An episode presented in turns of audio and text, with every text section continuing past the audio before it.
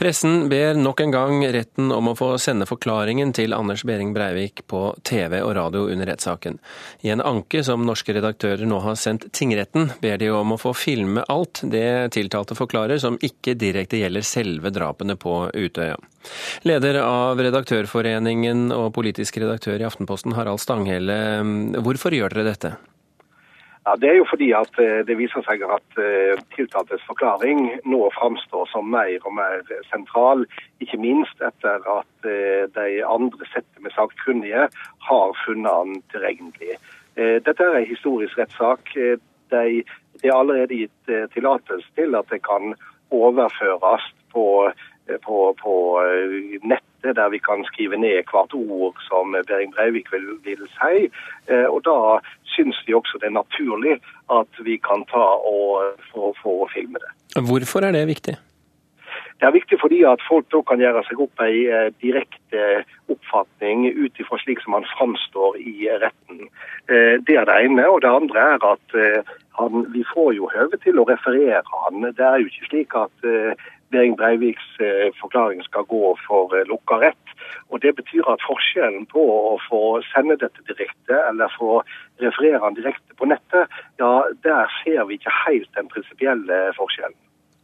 Min kollega Ellen Omland spurte avdelingsdirektør i Domstoladministrasjonen Erling Bø tidligere i dag om når retten vil bestemme seg om pressen får filme Breivik, og dette var det han svarte.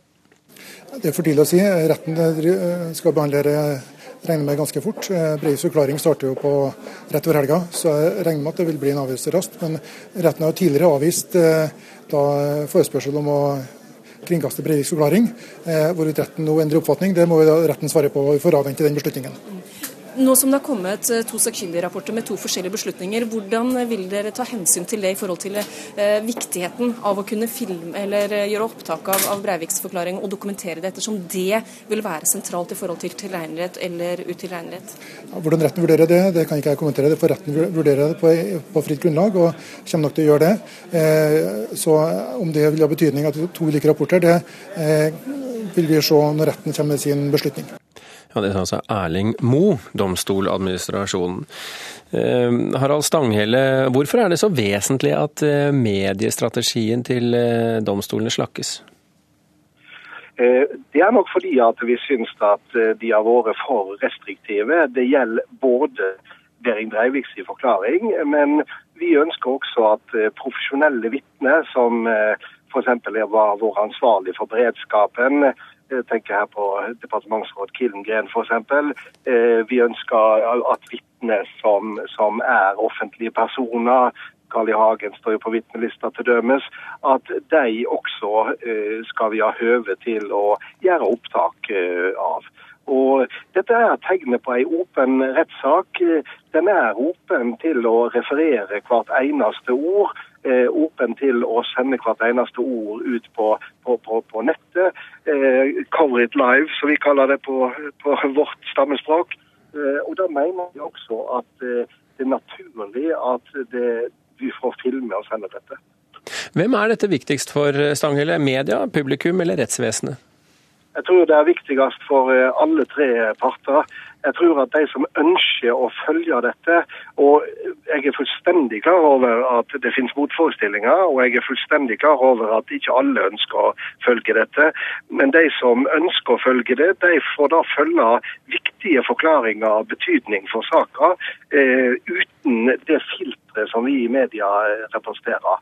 Jeg tror også det er viktig for selve rettsprosessen eh, å skape forståelse for hva som skjer i denne, denne spesielle straffesaka.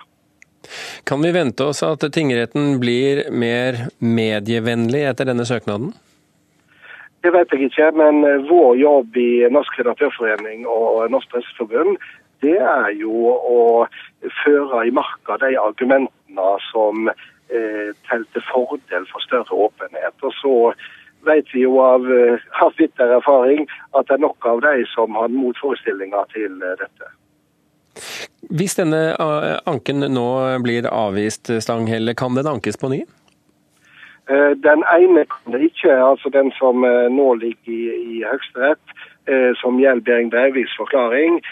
Den andre, som gjelder de såkalte profesjonelle vitner og de sakkyndige, eh, det er noe som tingretten skal ta stilling til.